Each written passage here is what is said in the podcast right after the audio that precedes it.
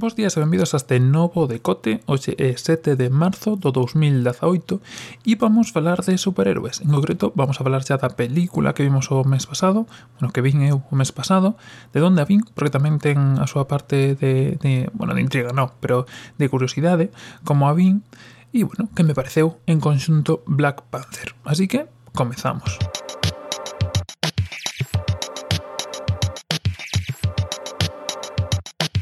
os na introducción, hoxe toca falar de Black Panther, a última de Marvel, e toca tamén falar de onde a. Así que vamos a empezar por eso. Porque eu non o sabía, pero en algúns cines, poucos seguramente, siguen poñendo, ou poñen, vamos a decir, as películas en estreno en versión original subtitulada. Evidentemente o de subtitulada creo que cree que é máis que sabido, pero bueno, a veces pasa e está bastante ben ou mola bastante. Así que eu aproveitei que estaba na Coruña o fin de semana que se estrenou a película e fun o domingo pola tarde aos cines dos Rosales, do centro comercial dos Rosales, a ver a película en versión original subtitulada. A todo isto, para ser unha película que tivo bastante público, que está tendo bastante público, éramos como oito persoas na sala. Oito persoas das cales pois seis eran ingleses que, bueno, ingleses, persoas anglofalantes que viñan a ver a película no seu idioma original para non ter que facer traduccións nin nada, e o resto, que seríamos dúas ou tres persoas, éramos castelofalantes, eh, personas ou galegofalantes en algún caso, pero que, que íbamos un pouco para porque bueno, a mí no para min no meu caso concreto, gustame bastante ver e escoitar as interpretacións dos actores na lingua original, é dicir, sin o actor de doblaxe, porque por moi bo que sexa o actor de doblaxe, pois ao final, na miña humilde opinión, sempre está mellor a actuación tal e cual a fixeron. E isto pasa incluso pois con certas bromas que se fan na película, que evidentemente pois están pensadas para o guión original e que polo que puiden comprobar, porque hubo algún colega que foi a vela na original, pois cambian, evidentemente, para adaptarse ao, ao castelán, e senón que lle digan a, aos pobres que tiveron que apandar con Jodor. Bueno, a cuestión, o que íbamos. Esta é un, a seguinte entrega en todo o que está sendo o universo Marvel, xa non sei nin pola que vamos, e pero bueno, xa unhas cantas, así que pois empezamos a exixir quizá un pouco máis. Debo dicir tamén que para min as películas nas que se inicia unha saga ou que se explican os inicios, os comezos, a fundación de dos superhéroes sempre teñen pois unha, non sei, algo máis atractivo que o resto, polo menos para min, como digo, porque ao final é ese momento en que a persoa deixa de ser persoa simplemente e pasa a ser pois un superhéroe é moi normal, pois como digo, eh, en Capitán América, en Iron Man, en Spider-Man, aínda que agora que volveu un, que se meteu un universo Marvel non o fixeron, e noutras que para min esos capítulos ou esas películas sempre son das máis interesantes porque ten todo ese procedimento, como digo, de pasar de persoa a superhéroe e eso, pois, dende un punto de vista máis infantil, como pode ser, eh, parece que que onde ves a, a túa posibilidade de chegar a ser superhéroe ou onde iguala a todo mundo a, a ese superhéroe, xa que tan, sim, tan só con esos pasos, pois un se convierte. Eu vou dicir que nese sentido a min non me encheu esta película. Sinto ir un pouco en contra do hype que pode haber acerca dela, pero nesta película non existe ese procedimento tal cual. En Black Panther, digamos que cando empeza a película ese Black Panther xa existe, xa está aí, é o supremo protector de Wakanda, que é a cidade, bueno, o país de, de nos, Suráfrica, diría máis ben, onde, onde vive esta persoa, e temos que remontarnos á última de Avengers, a de Infinity War, a de, perdón, a de Civil War, Infinity War é a que ven agora, para ver os comenzos deste Black Panther. Como sabedes, se si seguides un pouco a saga o día, xa sabedes que nesta última de Avengers xa se vía Black Panthers, víase o seu inicio, cando o seu pai morría, e bueno, como el despois se inmiscuía en todo o que estaba pasando con Avengers a raíz desto, e digamos que daise tamén unha parte da raíz de todo o que ven nesta película. Non temos unha creación de Black Panther como tal, simplemente pois unha civilización tecnolóxicamente moi avanzada e uns materiais pois que lle permiten eh, facer casi calquer cousa e pois ao mesmo tempo outro tipo de, de flores, se si non me equivoco, que son as que lle dan pois máis forza e máis eh, poder pero non hai un proceso de creación tal cual, é como se fose unha herencia do trono cando morre seu pai, eh, Tachala, que é o, o propio, como dicilo, a propia persoa a que interpreta Chadwick Boseman, eh, a que a seguinte no relevo, e aí empeza un pouco a historia.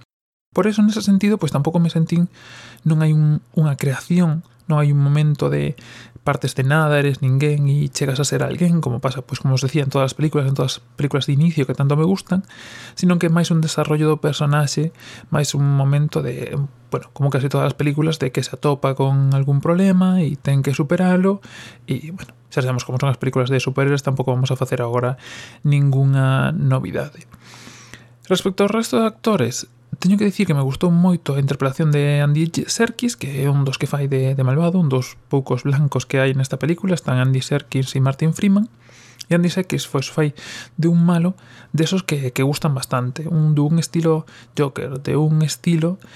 eh, desos malos que parece que, que lles dá igual todo, pero que ao mesmo tempo teñen todo sempre moi controlado, que, que se divirte sendo malo e que, que deixa voar a súa imaginación sendo malo, por decirlo así, Eh, pero ao mesmo tempo nada está deixado ao azar, sino que sempre ten todas as cousas controladas e, bueno, eso fai que sella un malo pois, bastante atractivo, eh, en sentido de que moitas veces cando vemos estas películas pois os vos sempre teñen todo controlado sempre lles cae todo de pé e os malos pois son os que nunca lles hai unha dereitas. E neste malo pois digamos que é o contrario e unha das cousas que está bastante bueno, bastante interesante fai que sexa un, un malo bastante bastante interesante. E logo, por outro lado, temos o, o outro malo, que é o que representa Michael B. Jordan, que seguro que este xa en algunha promoción, que este que ten como todo o corpo tatuado ou con, non sabría como decilo, con piercings ou, sí, ten o corpo así bastante machacado.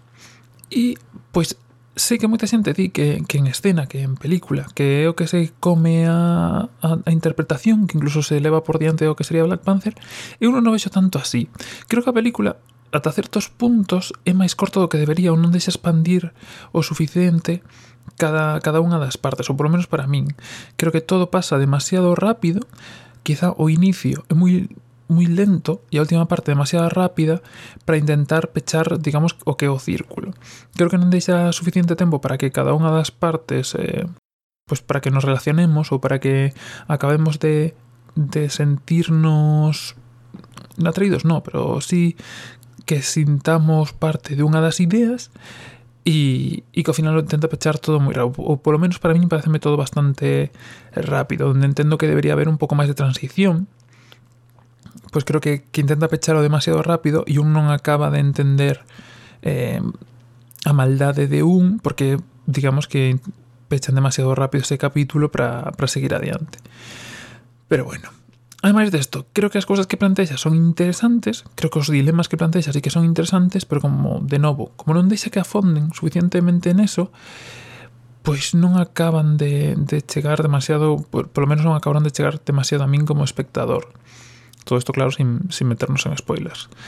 Y creo, bueno, se si algún de vos foi a vela ou, ou quere vela, pois xa me contaredes que son dos, grans, dos grandes problemas. Que mentras que a primeira parte da película sí que é máis lenta e profundiza máis en cada unha das accións, a última parece que ten moita presa en pecharse e os saltos no tempo ou os cambios que fan son demasiado bruscos como para que todo o que plantexa nese momento, que é moi interesante, eh, pois chegue a afondar o suficiente. Pero bueno, como digo, é a miña opinión, está tendo moi boas críticas polo mundo adiante e,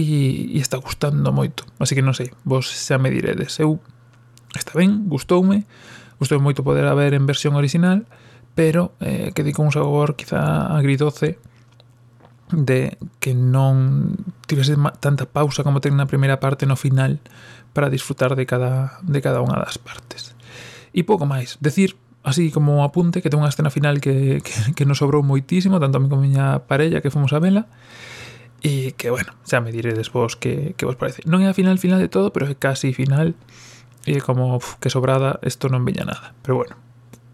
cousas tamén persoais. E nada, que se fostedes a verme comentades que vos pareceu, que opinión tedes vos da película, e nada, temos moitas ganas, ou teño polo menos moitas ganas xa de que chega Avengers Infinity War, como sabedes adiantaron, iba a sair en abril, e adiantaron... No, iba a sair en maio e adiantaron para finais de abril, para 27, e nada, que queda nada xa para que saia. Así que nada máis por hoxe, Como sempre tedes todos os enlaces e todo o necesario para seguir isto, para ver a película ou para o que precisetes en podcast.algue.net. Tamén tedes o meu plex disponible se si o queredes. E nada máis por hoxe. Un saúdo e ata a próxima.